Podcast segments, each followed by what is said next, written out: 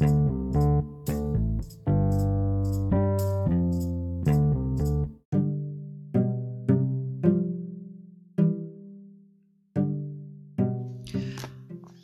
assalamualaikum warahmatullahi wabarakatuh. Waalaikumsalam warahmatullahi wabarakatuh. Kembali lagi dengan kita di podcast keluarga Sotoy dengan Bunda Abi Eugene. dan Yumna. Oke teman-teman, eh kalau ada yang dengerin, alhamdulillah.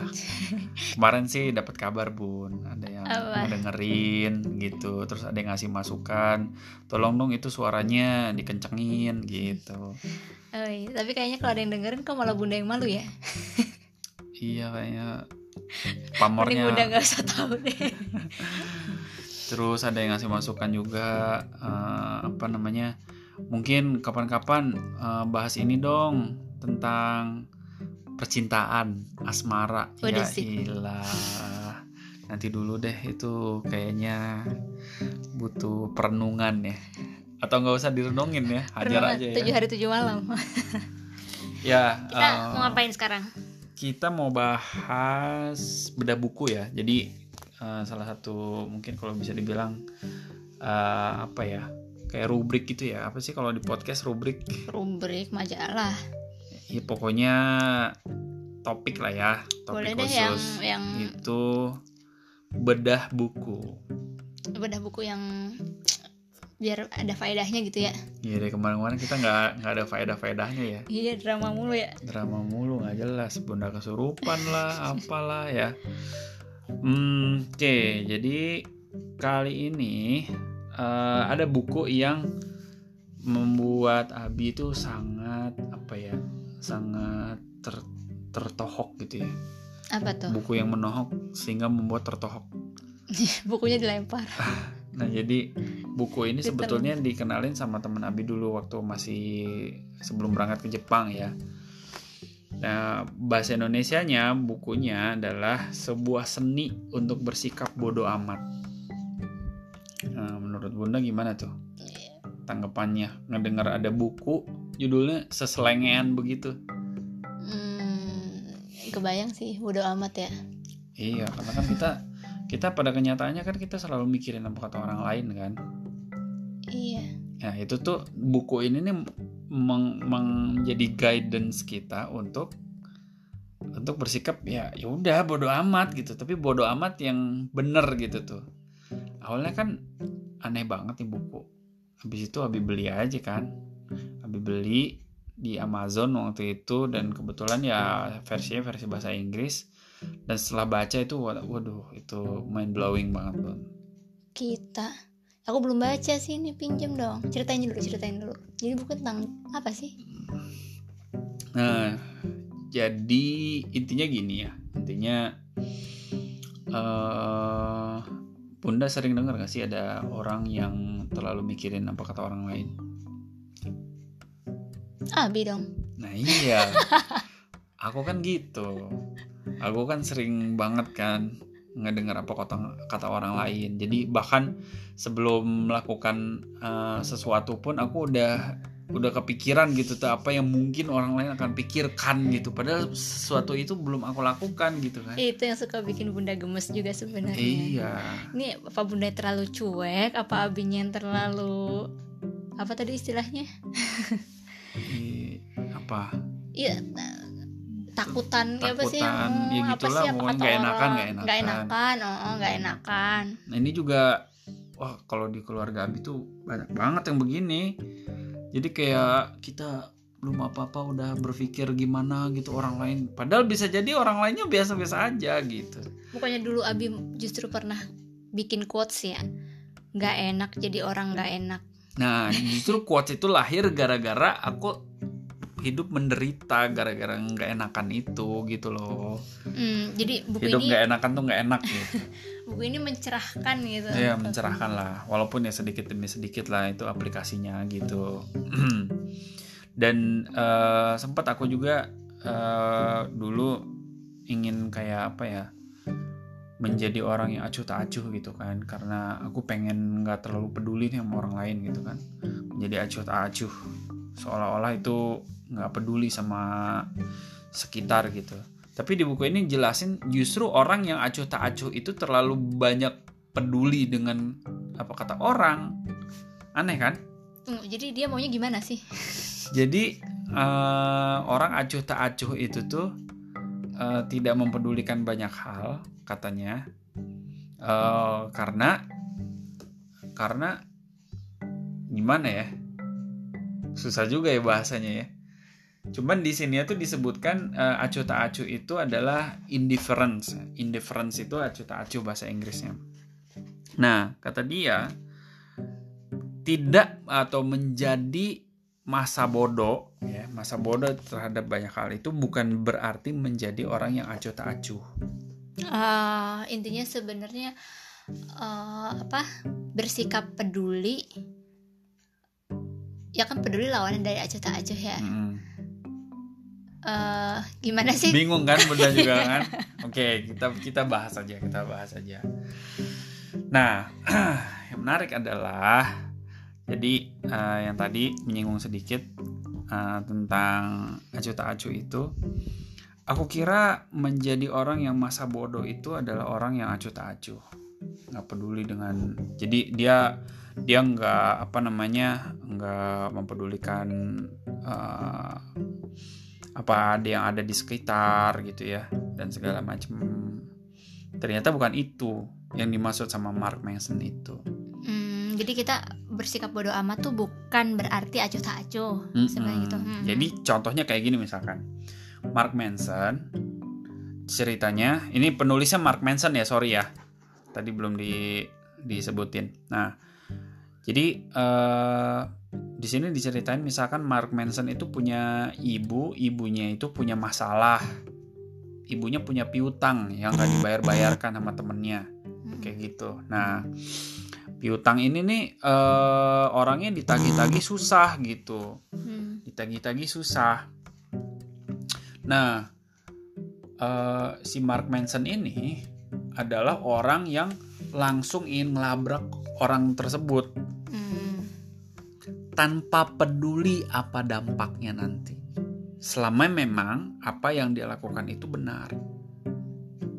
Hmm, and then Nah, tanpa peduli terha- terka- eh, terkait dengan tantangan yang akan datang dan terus melaju karena merasa sesuai dengan value, itu yang dimaksud dengan menjadi orang yang masa bodoh di buku ini. Ngerti nggak? stick to the Iya. value. Jadi kayak misalkan kita punya cita-cita nih, pengen pengen kerja atau enggak pengen pengen apa ya? Pengen punya bisnis gitu tuh. Hmm. pengen punya bisnis.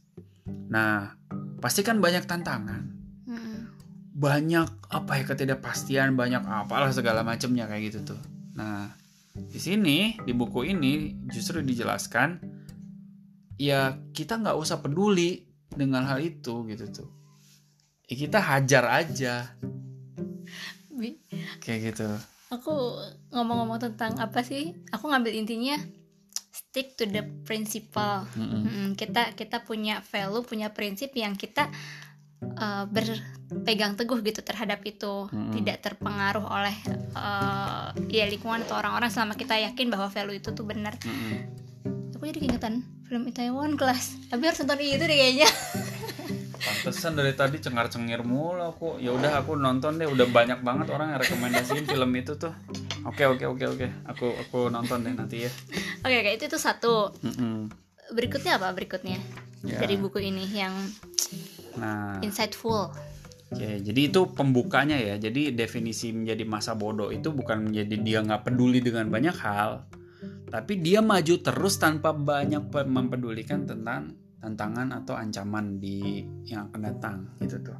Hmm. karena sering kali kita gitu ya eh, apa namanya ya human being itu sering kali mendefinisikan kebahagiaan itu dengan konsep yang keliru kalau menurut Ma- Mark Manson.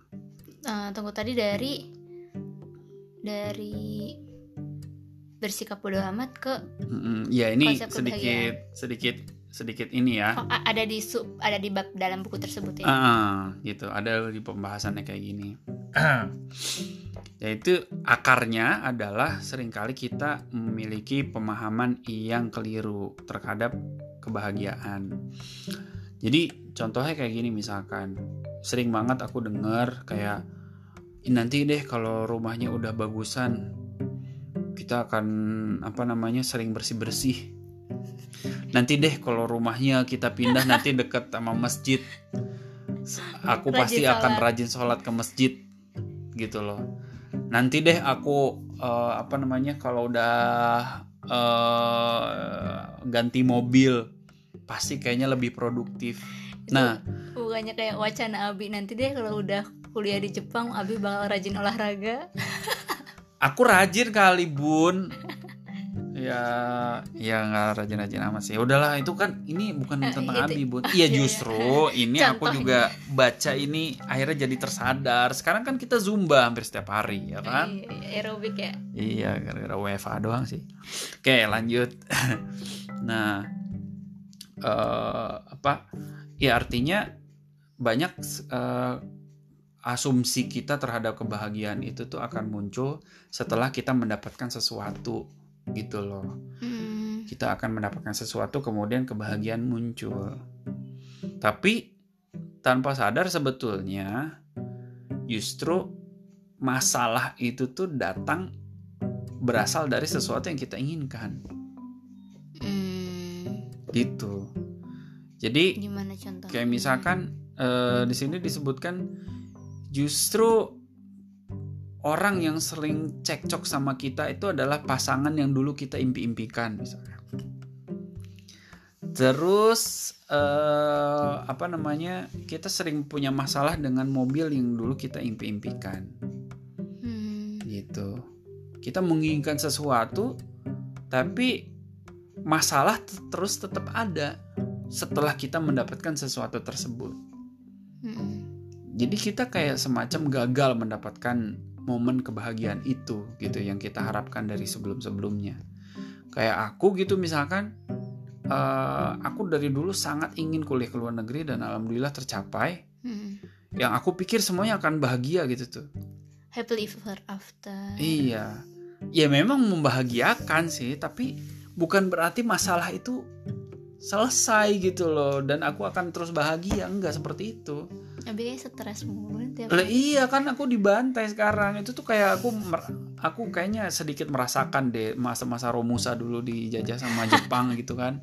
Ya sensei aku di sini wah gile men. Orang lain dikasih deadline itu paper cuma satu sebulan, aku tiga.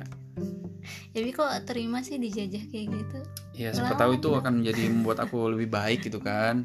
Nah itu juga aku akhirnya terima logowo, acknowledge gitu. Semua kondisi aku sekarang eh, salah satunya juga eh, insight dari buku ini. hmm. Nah kata Mark Manson, masalah itu adalah konsep yang perpetual. Perpetual itu yang terus berkesinambungan abadi gitu. Ya, Jadi, ada Eh, setelah ada kayak- masalah satu kelar, pasti ada masalah lain. Hmm, apa sih kayak keniscayaan ya Mm-mm. Jadi kayak misalkan kita ingin kita ingin berkomitmen untuk ke apa namanya eh, menurunkan berat badan Ah, gitu kan ya. Tapi dari keinginan itu pun eh, banyak tantangan-tantangan masalah-masalah yang ada gitu tuh. Ya kita harus bangun lebih pagi untuk olahraga dan segala macamnya gitu tuh. Dan setelah kita mendapatkan itu pun ya tantangan untuk mempertahankan eh, berat badannya itu juga nggak sederhana gitu kan hmm. gitu. Kita ingin rumah mewah untuk perawatannya juga nggak sederhana gitu. Jadi tetap ada permasalahan itu. Makanya kata kata Mark Manson, konsep kebahagiaan itu juga harusnya adalah konsep yang perpetual, yang terus berkesinambungan, bukan berhenti setelah kita seolah-olah mendapatkan sesuatu yang kita inginkan. so Nah, jadi karena kita udah tahu nih konsep eh, masalah itu ada perpetual, hmm. eh, berkesinambungan, maka kita harus menjadikan konsep kebahagiaan itu juga perpetual. Caranya gimana? Merendengkan dengan atau menyandingkan dengan masalah itu. Jadi seharusnya kata buku ini kebahagiaan itu muncul setelah kita menyelesaikan masalah, solving the problem. bukan ketika kita mencapai apa yang kita inginkan Iya, oh. gitu, solving the problem. Nah, jadi setiap kita solve the problem, itulah kebahagiaan yang harus kita syukuri. Gitu. Nah, artinya setelah kita solve the problem, kita bahagia, habis itu ada another problem. Selesain lagi Iya.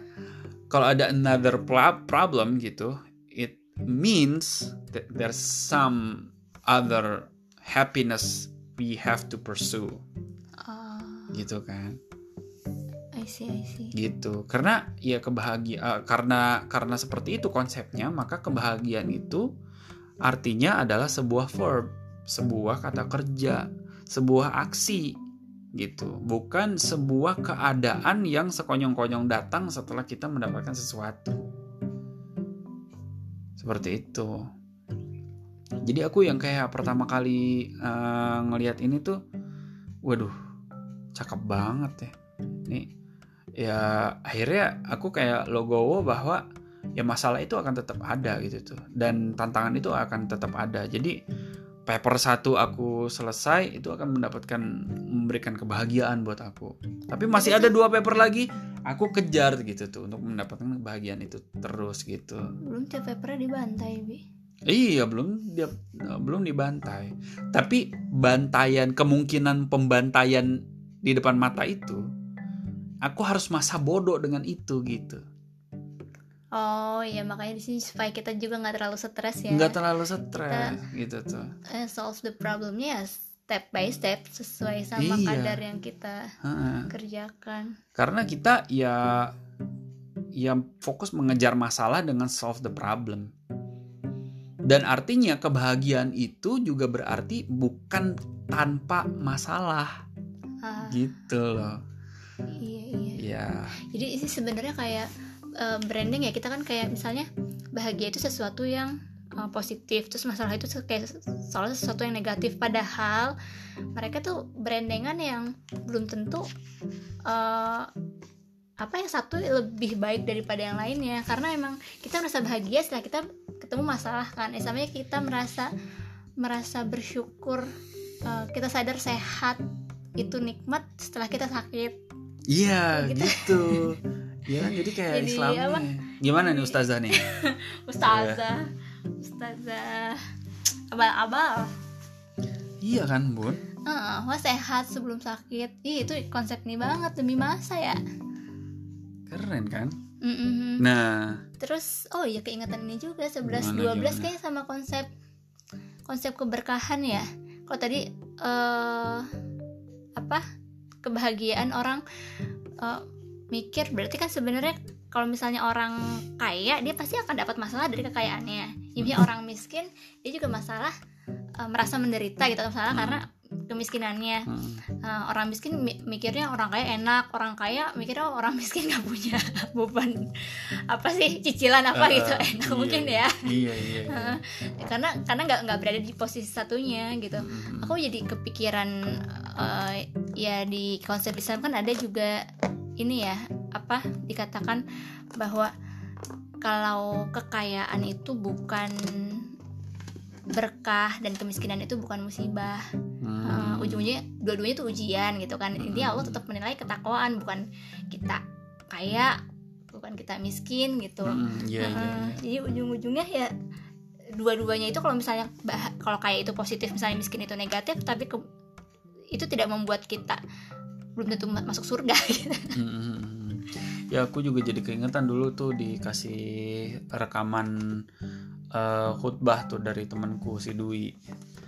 Eh, jadi eh, di khutbah itu disebutkan ya definisi berkah gitu tuh. Kalau di kalau pengertian berkah itu adalah dengan banyak harta, artinya hidup Rasul tuh nggak berkah dong. Soalnya kan hidup Rasul nggak kaya kaya amat, sederhana gitu kan. Terus kalau sehat itu dinilai berkah gitu, artinya kan kalau uh sehat ya Sehat. berkah berkah gitu kan ya atau enggak ya banyak duit oh mau ganti mobil nih berkah berkah gitu kan ya berkah nih kayaknya usahanya nih ganti mobil mulu gitu kan Hmm. nggak seperti itu gitu kalau sehat itu dinilai berkah berarti hidupnya Nabi Ayub. Ayub nggak berkah dong gitu yang sakit eh, Padahal 20 nggak. tahun lebih gitu kan padahal nggak seperti itu. ya justru keberkahan itu hadir eh, kalau apa yang kita punya itu mendekatkan diri kepada Allah. Ya Allah soleh banget. Masya Allah. Masya Allah. Akhi ukti tapi Ramadan tambah soleh ya? Amin, amin, amin, amin. Nah, yang uniknya itu adalah eh, apa namanya? Dari konsep yang tadi, eh, kebanyakan orang yang eh, keliru menganggap eh, kebahagiaan itu sebetulnya berasal dari dua tipe orang, gitu, dua tipe Apa? orang. itu Di- dibahas di buku ini Iya, tipe yang pertama itu adalah tipe denial, menolak menolak gitu tuh.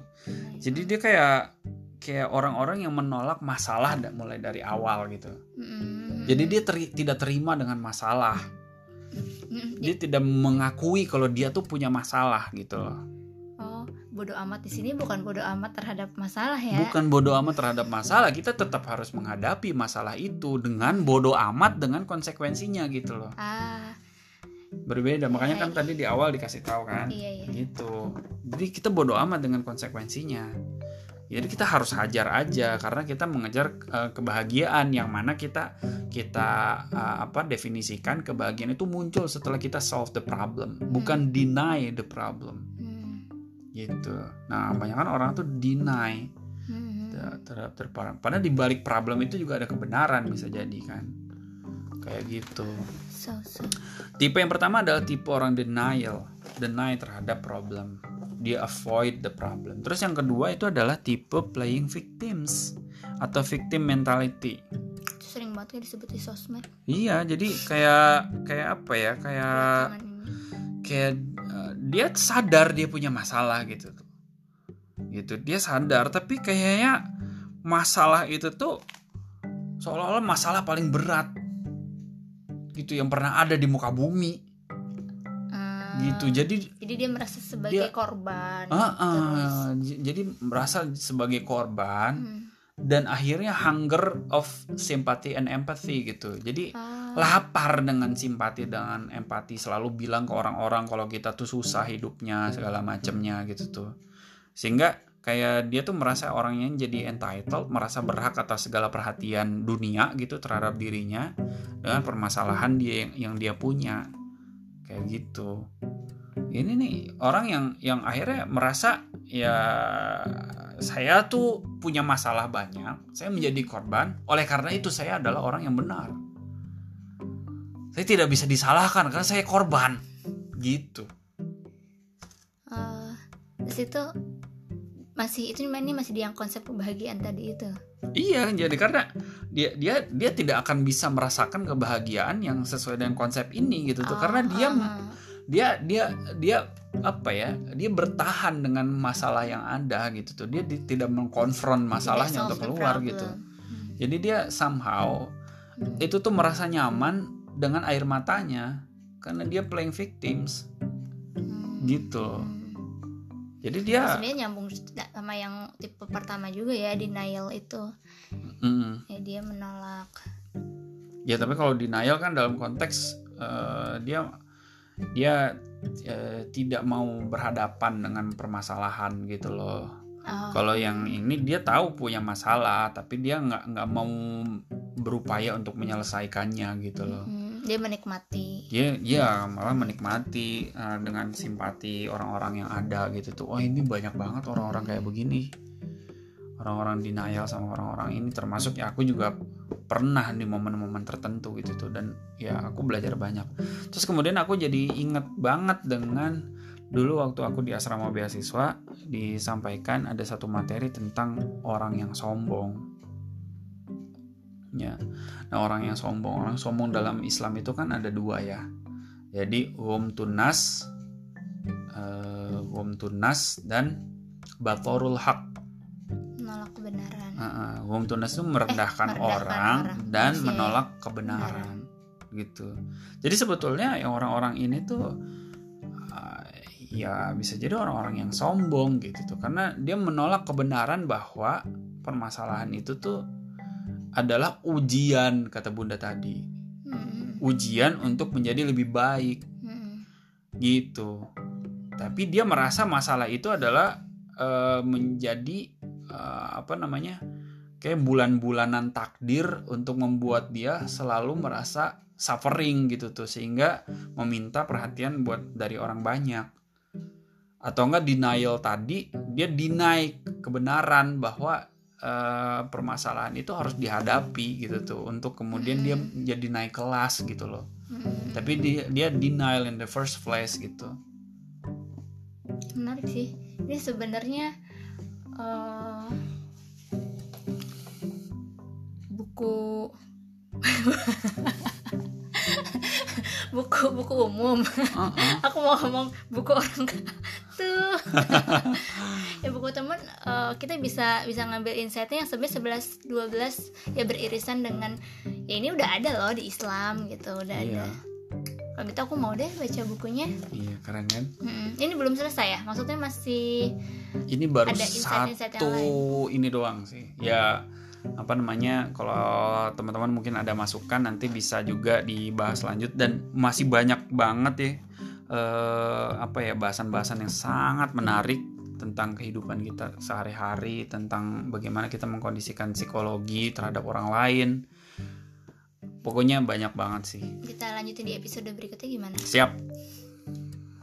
Oke, teman-teman, eh, kayak gitu eh, bagi para pendengar jika ada masukan eh, untuk podcast kami bisa dikirimkan ke gyogaswara@gmail.com.